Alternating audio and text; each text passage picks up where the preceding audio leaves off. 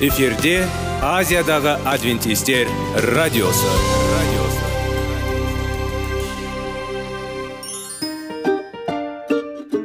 Сәлем достар. Денсаулық өмір бұлағы және біздің бірінші байлығымыз демекші денсаулық сағаты рубрикасына қош келдіңіздер. Біздің рубрикада біз әртүрлі факторларменен мәліметтерменен кеңестерменен бөлісіп шын жүректен сіздердің дендеріңіз сау болғанын қалаймыз. Сол үшін біздің рубрикаға қош келдіңіздер. Дайындалып тұрыңыздар. Өйткені келесі минуттарда қызықты фактілерге ие боласыздар. Енді достар ең бірінші байлығымызды қолымызға алып алға кеттік.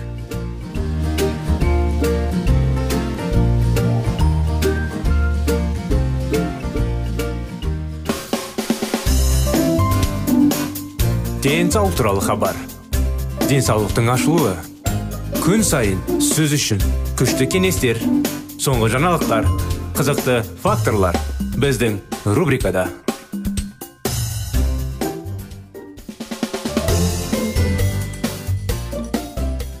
достар армысыздар құрметті тыңдаушыларымыз ассалаумағалейкум денсаулық сағат бағдарламамызға қош келдіңіздер сіздердің назарларыңызға қытай зерттеулер тақырыбын біз ары қарай жалғастырудамыз барлық аутоиммунды аурулар көбінесе онкологиялық ауруларға ұқсайтын механизмдердің бірі тобының дисфункциясының нәтижесі болып табылады бұл жағдайда мұндай механизм иммундық жүйе болып табылады.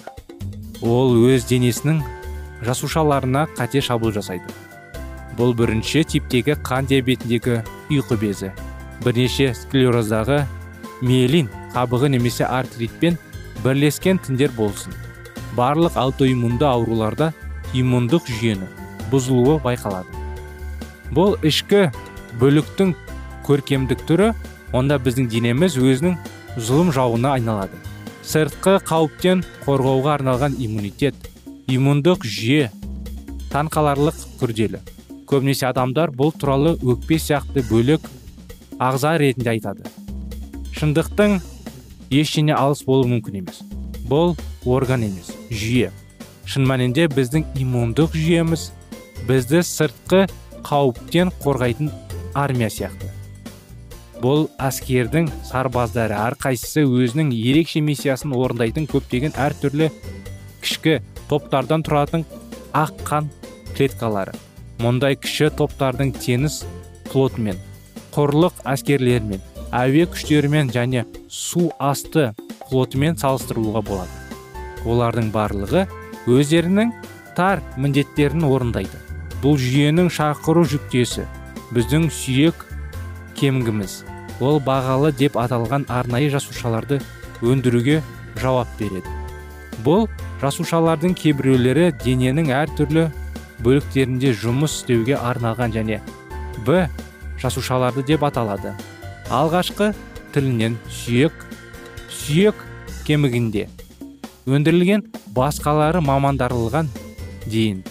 Тимус безіне кеуде қуысының қуысында орналасқан орган. Көшкенге дейін жетілмеген немесе жетілмеген болып қалады. Олар т жасушалары деп аталады. Ағылшын тілінен тимус тимус безі. Бұл әскери жасушалар басқа мамандаларға жасушалармен бірге күрделі жабдық жоспарын құру үшін біріктіріледі.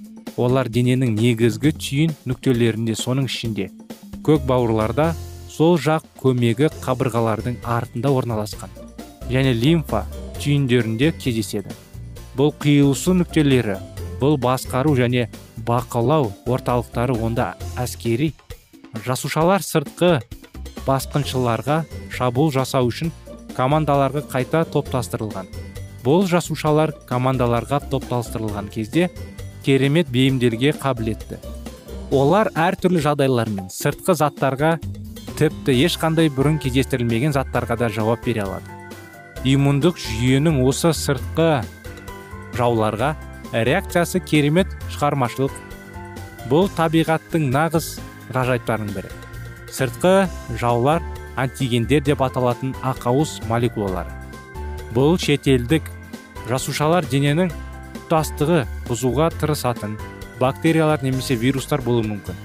Сондықтан біздің иммундық жүйеміз бөгде жасушаларды немесе антигендерді байқаған кезде оларды бұзады. Шетелдік антигендердің әрқайсысы ақауыз молекулаларының құрамындағы аминақышқылдарының ерекше әсерінен әр адамның жеке тұлғасы сияқты жеке болады. Ақауыздар әртүрлі аминақышқылдардың көмегімен қалыптастырылдықтан мұндай тұлғалардың сансыз вариациялары пайда болуы мүмкін. Антигендерге қарсы тұру үшін біздің иммундық жүйеміз әр шабуыл үшін жеке қорғаныс жоспарын жасау керек.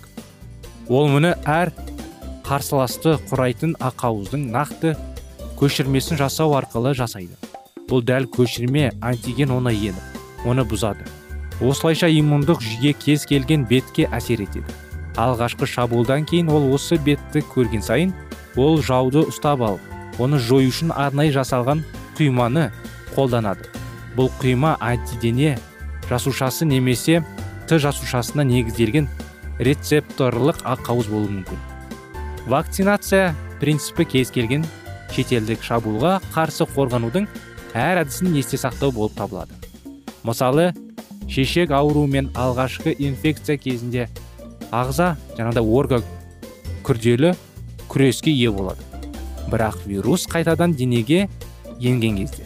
Ол қалай әрекет ету? Керектігін нақты біледі. Ал күрес ұзаққа созылмайды және ауырады және әлдеқайда тиімді болады. Адам тіпті ешқандай белгілерді сезінбеуі мүмкін. Өз денесіне қарсы иммунитет бұл жүйе денені бөгде ақауыздардан қорғайтын табиғат кереметі. Бірақ ол сонымен қатар қорғауға орналған тіндерге шабуыл жасай алады. Өзін өзі жою процесі барлық аутоиммундық ауруларға тән. Дене өзін өзі өлтіруді шешкендей. Мұндай өзін өзі бұзатын әсердің негізгі механизмдерінің бірі молекулалық мимика деп аталады. Кейде біздің сарбаздарымызды жоюға тырысқан жау басқашылары біздің өз жасушаларымызға өте қатты ұқсайды. Осы бөгде жасушаларға сәйкес келетін иммундық жүйенің қалыптары бір уақытта өзімізге сәйкес келеді. Содан кейін белгілі бір жағдайларда иммундық жүйе осы құймаларға ұқсас барлық нәрсені соның ішіндегі жеке организм жасушаларын жояды. Бұл өзін өзі жойдың өте күрделі процесі. Оның ішінде иммундық жүйе жасаған көптеген стратегиялар бар. Олардың барлығында бір жалпы өлімге әкелетін көпшілік бар. Шетелдік ақауыздарды өз денесінің ақауыздарына ажырата алмау.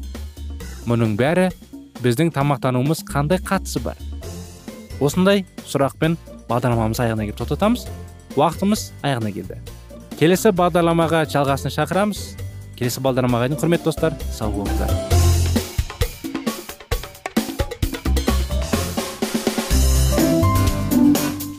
Денсаулық туралы хабар.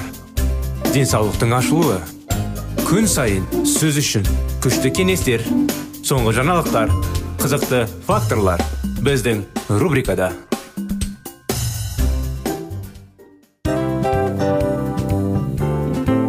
Әуелі байлық денсаулық екінші байлық он саулық үшінші байлық ақ жаулық. Ал енді осындай радио парақшадан кейін не дейміз?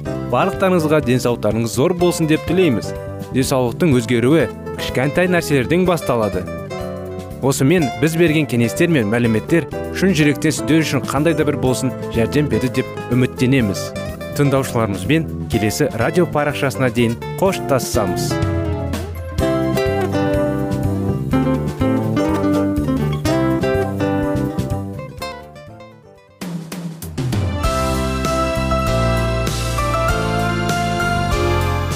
эфирде азиядағы адвентистер радиосы радиосы.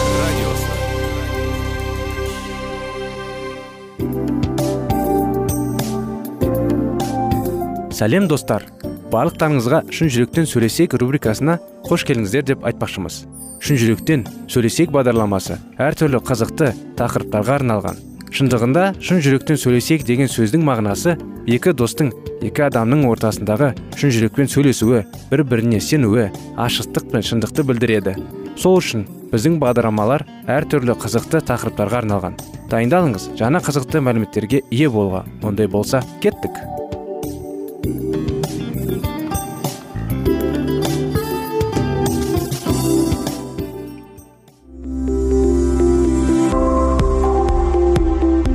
Алтын сөздер.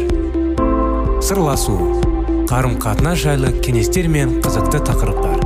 Шын жүректен сөйлесейік рубрикасында.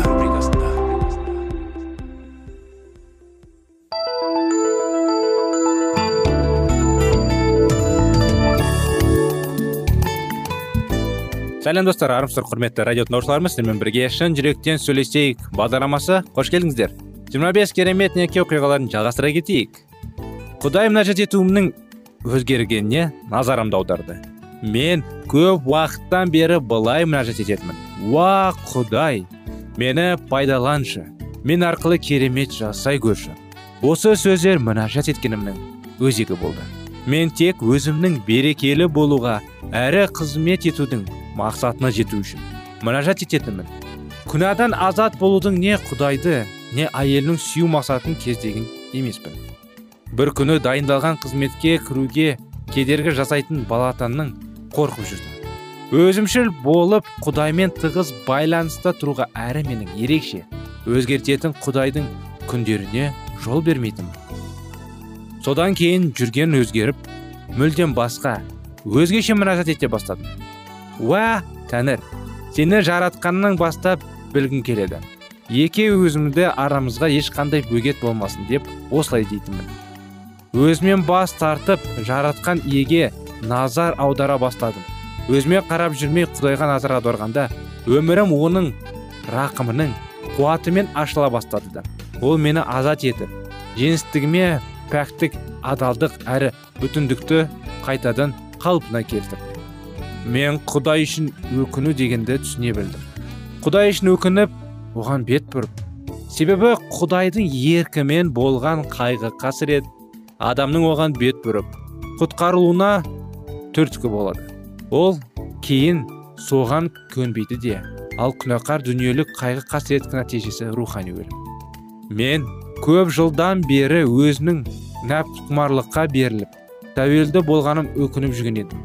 Мен бағана айтқанымдай осы күнәнің құлдығында болғанымда қаламай істеген қылықтарымның жиіркендім. Көптеген адамдар жасаған күнәларына бола қайғырып көніп жүреді.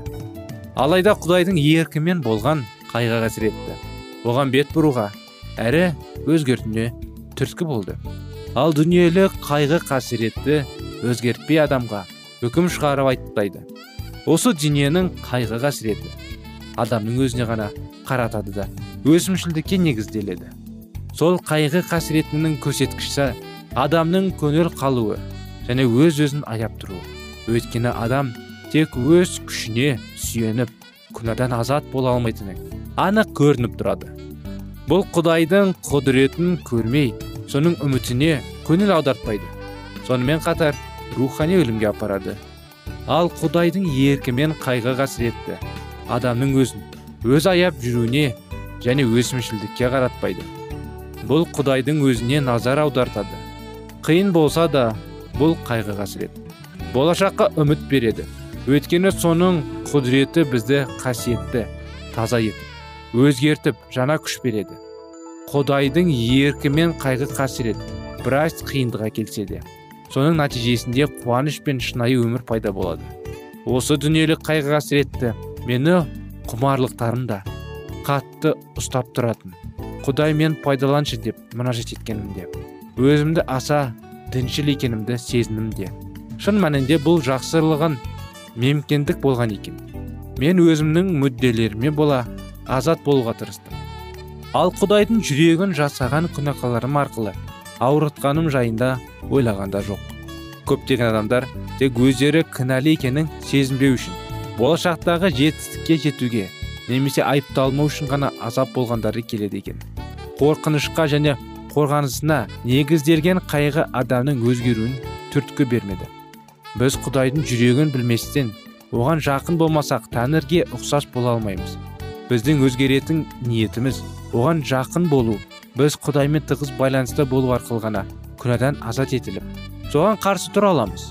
Бұл құдайға мойынсұнып жақындаған сайын ол өзін ашылып өзгертуге әрі таза киелі өмір сүруге күшін сыйлады.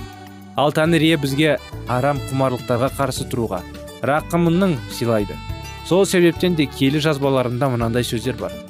Құдай тәкаппарлыққа қарсылық жасайды. Ал езілген кішіпейілдерге рақымын сыйлайды. Сонымен құдайға мойынсұныңдар әзәзіл шайтанға қарсы тұрыңдар. Сонда ол сендерден қашып кетеді. Құдайға жақындар сонда ол да сендерге жақындайды. Е күнәқарлар қолдарыңды жамандық атаулыдан жауып тастаңдар ей екі ойлы табысыңдар. Жүректеріңді орнықтарыңдар өкініп зар еңіреп татпасыңдар. Жүректеріңді орнықтарыңда өкініп зар еңіреп жылаңдар. Үлкеріп қайған қуаныштарыңды қасіретке айналсын. Жаратқан иенің алдында бой сұныңдар сонда ол сендерді жоғарылатпақ. Құдай бізге неше түрлі арам құмарлықтардан әрі ескі күнәқар болмысымыздан қылықтарынан азат етіп жоғарылатады.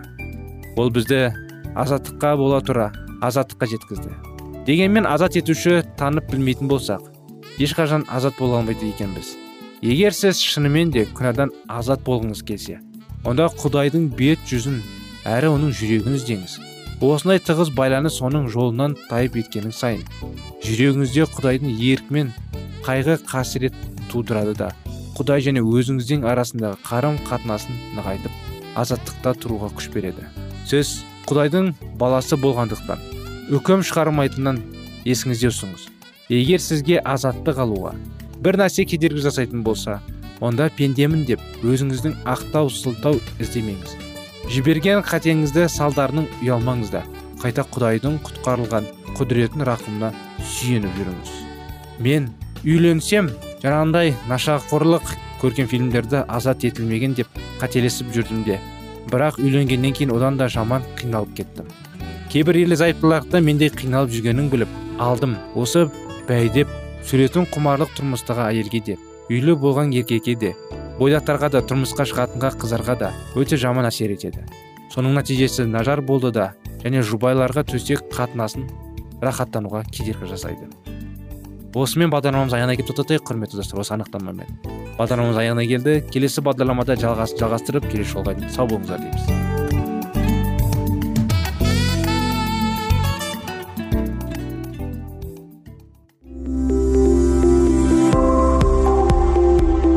Алтын сөздер.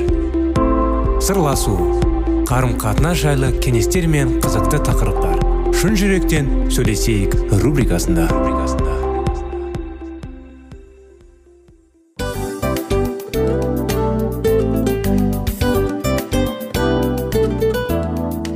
Құрметті достар барлық ең соңғы кеңестер аяқталған соң біздің программамыз соңына келіп қалды. Осы біздің мәліметтер осы рубрикада айтылған әрбір сөздер сіздерге өзінің қандай да бір пайдасын алып келді деп шын жүректен сенеміз. Және бұдан да көптеген рубрикаларымыз бар. Басқа рубрикаларымызда біздің зерттеулерімізде сіздер үшін тағы да қызықты мәліметтер дайын. Біздің шын жүректен сөйлесейік парақшамызда көптеген әдістер ең соңғы кеңестер адамның нравственность жақтан моральдық жақтан тазалап байыта тұрған соңғы кеңестердің барлығын жанарады. сондықтан алдыңғы күндерде бізбен бірге болыңыздар. Өйткені барлық қызықтар алдыда. Бізбенен бірге болғандарыңызға үлкен рахмет. Келесі кездескенімізше сау сәлемет болыңыздар.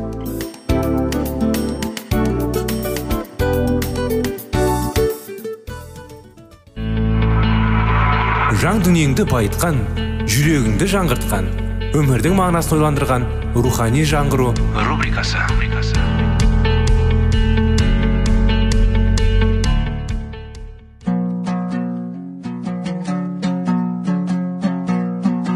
Ассалаумағалейкум біздің тыңдаушыларымыз.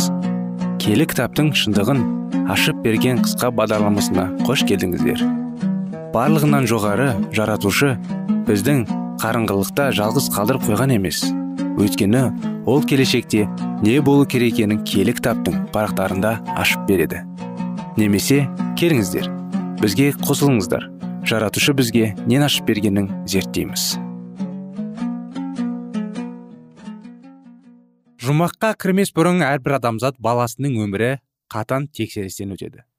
Олардың мінездері мен істері құдаймен бақыланады. Сонан соң кітаптағы жазуларға байланысты әрбір жанның тағдыры шешіледі.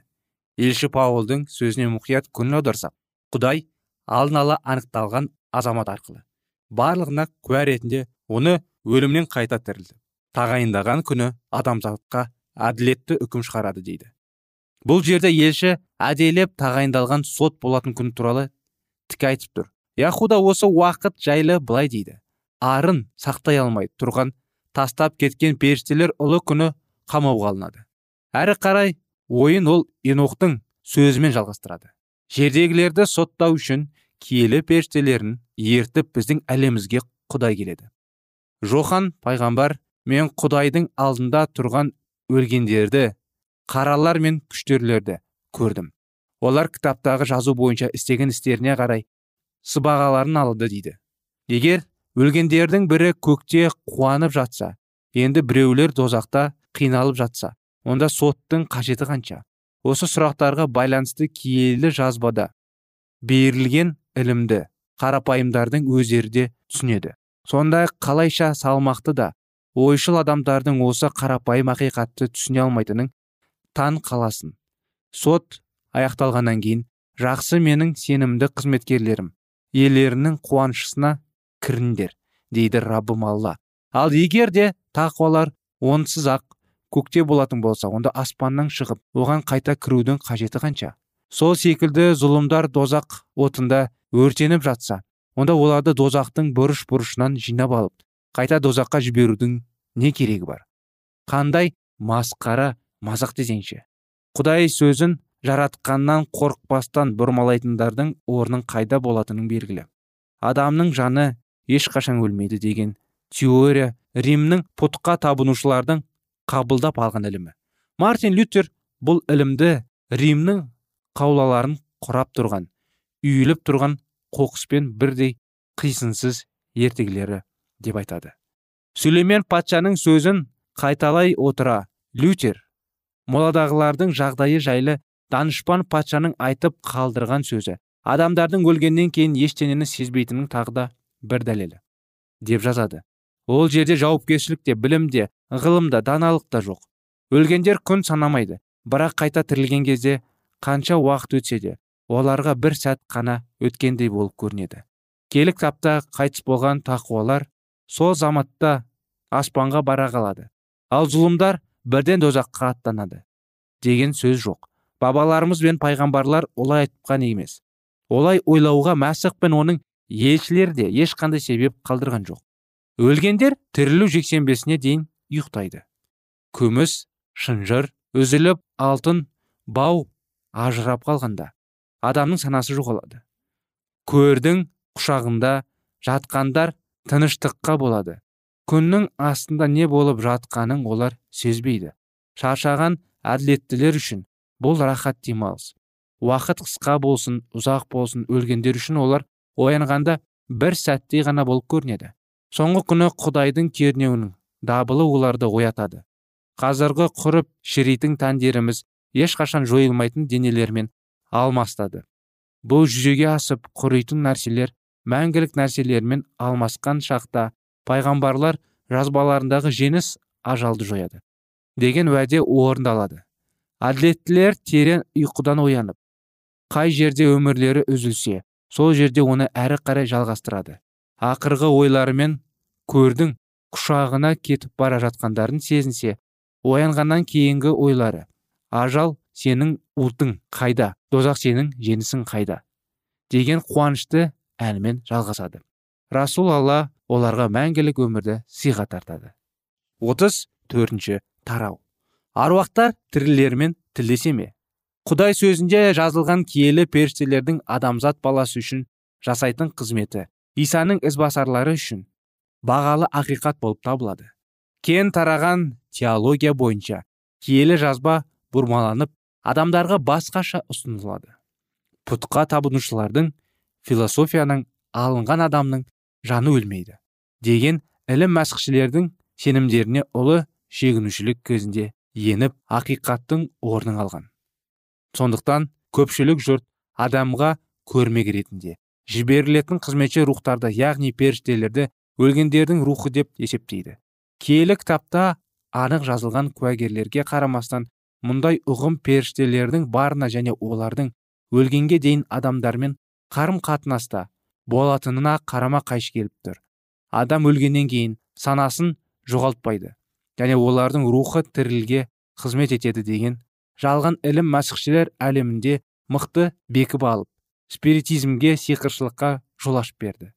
Егер өлгендер бұрынғы білімдерінен бірнеше есе артық білімге ие болып құдайдың және оның періштелерімен қарым қатынас жасауға мүмкіндік алса неге оларға жерге қайтып келіп халық ағарту ісімен айналыспаққа? Киелі жазба бізге айқын анықтамалар беріп тұрғанға қарамастан ақты қарадан ажырата алмайтын көкірегі соқырлар өте көп.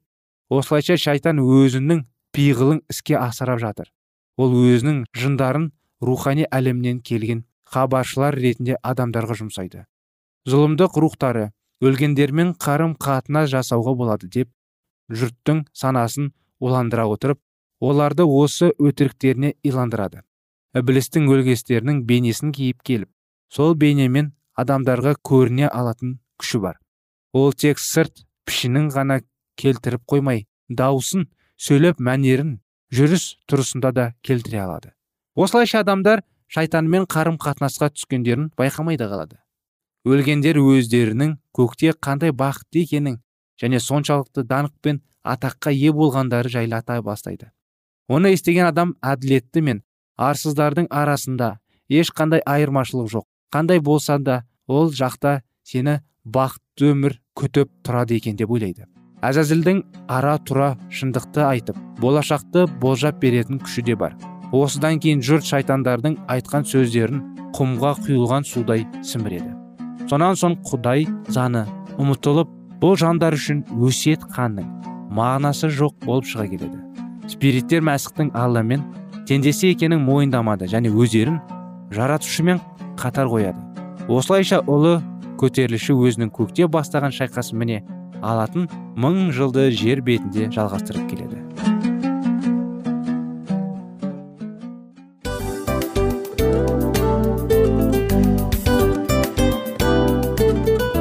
Осымен достар программамыздың зерттеуіміздің ең қайғылы минутына жеттік. Қайғылы дегенде бағдарламамыз тез арада өтті де кетті. Соған көңіліміз деп тұр. Жарайды қайғыны қояйық. Бүгінгі 24 сағаттың алтындай жарты сағатын бізге бөліп арнағаныңыз үшін рахмет. Егер де өткен сфераларда пайдалы кеңес алған болсаңыз біз өзіміздің мақсатымызға жеткеніміз. Тыңдаушыларымызбен қоштасу уақыты келді. Келесі кездесулерді сағынышпен күтеміз. Жарты сағатты кездесуіміз көз ашып шапқанша дем арасында өтіп кетті. Бірақ бізде жақсы хабар бар.